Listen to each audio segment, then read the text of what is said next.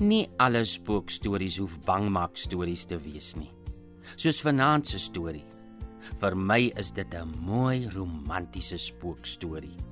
En die leser Rika Senet lees dit so mooi. Sy lees vanaand Jan van Tonner se Die Tollenaar. Dit kom uit die bundel Dogters van Afrika: Verhale oor Suid-Afrikaanse vroue. Dit is saamgestel deur Johanna Skeepers en Tafelberg Uitgewers is die uitgewer. Jy is ingeskakel op RSG, kortom is die program en ek is Johnny. Lekker luister.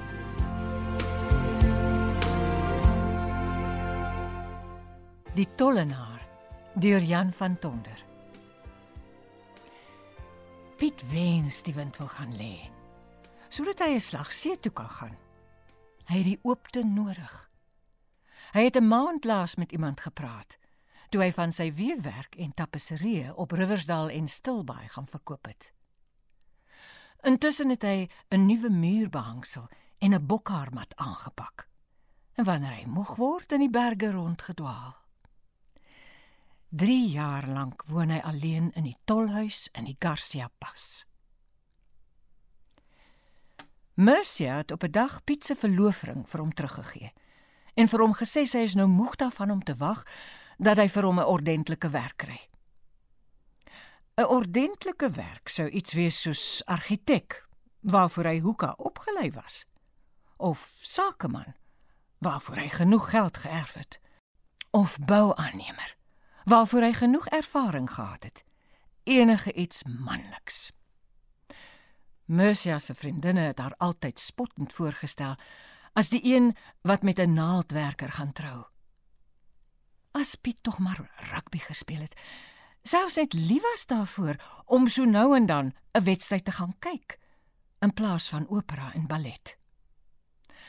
As hy maar die ewige suurlemoenterte wou los en begin bier drink. Maar Piet was nie 'n foef nie. Dit het Mercia beter as enige iemand anders geweet. En sy was die een wat soms nie anders kon as om te wonder hoeveel hande die man dan het. Hy het gevry soos hy geweef het, vaardig. Dit was aand en dit was die herdenking van hulle verlovingsdag. Toe Mercia pizza ring teruggegee het.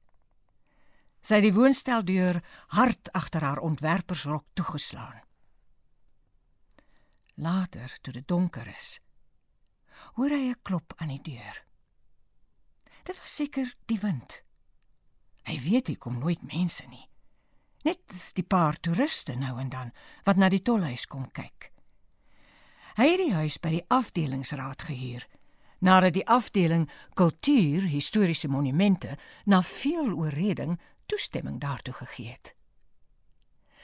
Dis net die toeriste, maar nooit saans nie. Een keer het 'n verslaggewer 'n storie kom skryf oor die enigste tollenaar in die land. Eenmal 'n jaar kom Piet se ma 'n week lank vir hom kuier. En elke keer vra sy hom wanneer hy nou vir hom 'n vrou kry. Jy sal nog snaaks word van die eensaamheid, het sy gesê en hulle het gelag daaroor. Piet hoor weer die klop. Nou aan die kombuisvenster. Hy verbeel hom hy sien 'n gesig buite. Hy staan stadig op sodat die swart kat op sy skoot weet hy moet af. Hy maak die boordeur oop. Buite staan 'n meisie met los swart hare wat oor haar gesig waai en dan weer agtertoe. Sodat Piet die mooiste gesig sien wat hy nog ooit gesien het. Sy moet die rok vashou teen haar bene. Kan ek maar inkom asseblief? vra sy. Piet maak die onderdeur ook oop en die meisie waai die huis in saam met honderde blare en 'n klomp stof. Is dit jou blare en goed? vra Piet. Wat maak jy in die nag so alleen in die berge? Het jou kar gebreek? Het jy al geëet? My naam is Piet. Sit sommer hier by die tafel. Ek skink gou vir jou tee. Ek hoop jy drink heuningbos. Sit maar. Wat maak jy so alleen in die nag hier in die berge? Die meisie lag. Vir Piet is dit die mooiste geluid wat nog in sy huis was. Die meisie is kaalvoet. Sy gaan sit op die kombuisstoel en trek haar bene op tot teen haar kin. Sy sit soos 'n dogtertjie. As Piet verby die meisie se hakskiene kyk, kan hy haar broekie sien. Jy is die mooiste ding wat nog ooit in my huis was, sê hy. Hier's jou tee. Hy sien hoe sy die tee vinnig opdrink, soos een wat baie koud kry. En jy naam? Luna. Aangename kennis, Luna. Hy voel hoe sag haar hand in syne is. Hy soen die hand. Van waar kom jy? Sy glimlag. Ek het net gekom. Ek is bly, sê Piet. Het jy al geëet? Ek is nie honger nie, dankie. Ek jokkie, ek sou gesê het as ek was. Ek sal nooit vir jou jok nie, ek beloof. Hy sal daarvan hou as sy bly. Sy ma sou ook daarvan hou. Hy gaan haal 'n bottel port van Montague en sny skywe af van die blok Ladysmith se towerkop kaas en sit dit op die tafel tussen hulle neer. Die lekkerste in die wêreld. Hulle sit die helfte van die nag en omgesels. Piet het nie agtergekom dat die wind gaan lê het toe die meisie in die huis gekom het nie. Ek is vaak, sê die meisie in die nag. Piet vlie op. Skus. Ek het nie agtergekom dat dit so laat is nie. Ek gaan maak gou vir jou 'n bed reg. Wag net daar. Hy gaan haal sy enigste stel ekstra lakens uit die kamferhoutkus in die sitkamer. Hy maak die bed op en tap die bad vol warm water. Hy gooi badolie onder die lopende kraan en gaan haal die meisie. Daar's 'n skoon handdoek en daar's 'n lamp in jou kamer. Draai maar dood as jy wil slaap. Dankie, sê die meisie. Sy kom staan teen hom en soen hom lank, soos wat hy gewens het sy wou. Lekker slaap, sê Piet. Hy borsel sy tande en was sy gesig by die wastafel in die slaapkamer. Voor hy aan die slaap raak, bid hy en sê dankie vir die meisie wat in sy huis is. Die nag slaap Piet sonder om een keer wakker te word. Hy staan vroeg op en maak vuur in die stoof. Die wind waai nie. Hy maak die deur en die vensters oop en gaan sit buite om te kyk hoe die son oor die berg opkom. Hy neem die skinkbord na die meisie se kamer toe. "Môre," sê hy by die deur voor hy ingaan. Daar is niemand in die kamer nie. Die lamp brand nog. Piet sit die skinkbord neer en bekyk die bed. Daar is nie in die bed geslaap nie. Die skoon handdoek lê oor die bad vol koue water. Piet gaan terug kom buis toe en sien die koppie vol tee en die glas vol wyn. "Jou klein skelm," sê hy saggies. 'n Motor hou buite stil en iemand klop. Daar staan 'n man met 'n telegram en 'n boek wat Piet moet teken. Die telegram sê dat sy ma baie siek is. Piet maak dadelik reg en ry Pretoria toe. Hy kry sy ma in 'n privaat kliniek nadat 'n dokter vir hom gesê het dat sy besig is om dood te gaan. Hy sit by haar en hou haar hand vas. "Hoe gaan dit met jou seun?" "Goed, mamma." Hy glimlag. "Ek het vir mamma 'n verrassing.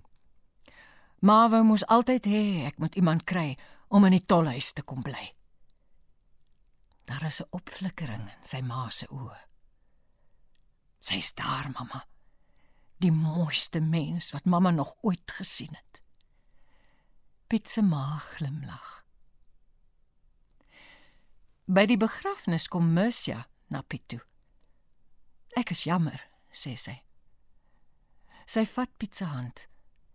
En toe Piet nie antwoord nie, sê sy: "Ek het baie oor ons gedink, Piet." "Dis goed," sê hy. Piet ry 13 uur lank terug huis toe. Hy sluit die agterdeur oop. "Ek is terug, lief," roep hy oor die onderdeur. Luna sit by die tafel met haar bene teen haar bors opgetrek. En verby haar hakskiene kan Piet haar broekie sien. The nights are colder now. Maybe I should close the door. And anyway, the snow has covered all your footsteps, and I can follow you no more. Dankie Rika. Vir my was dit nou 'n pragtige spookstorie. Wat het jy daarvan gedink? Het jy dalk ook 'n soortgelyke storie? Laat weet my. Intussen groet ek tot 'n volgende Dinsdag aand. Mooi bly.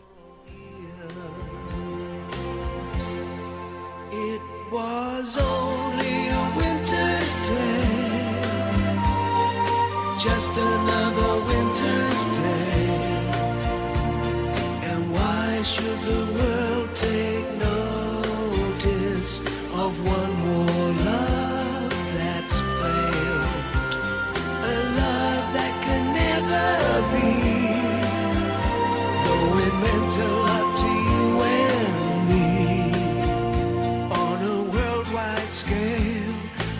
just another winter's tale.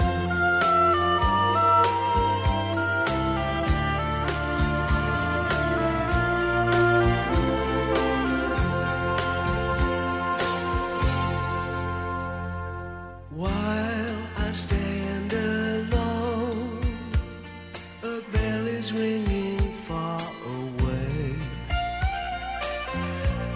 I wonder if you hear, wonder if you're listening. I wonder where you are today. Good luck, I wish you well for all that wishes may be worth. I hope that love and strength are with you for the length of your time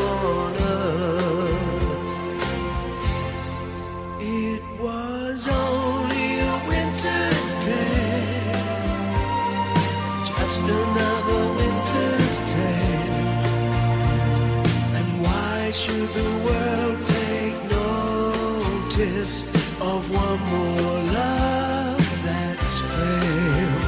It's a love that could never be. It meant a lot to you and me. On a worldwide scale, we're just another winter's tale.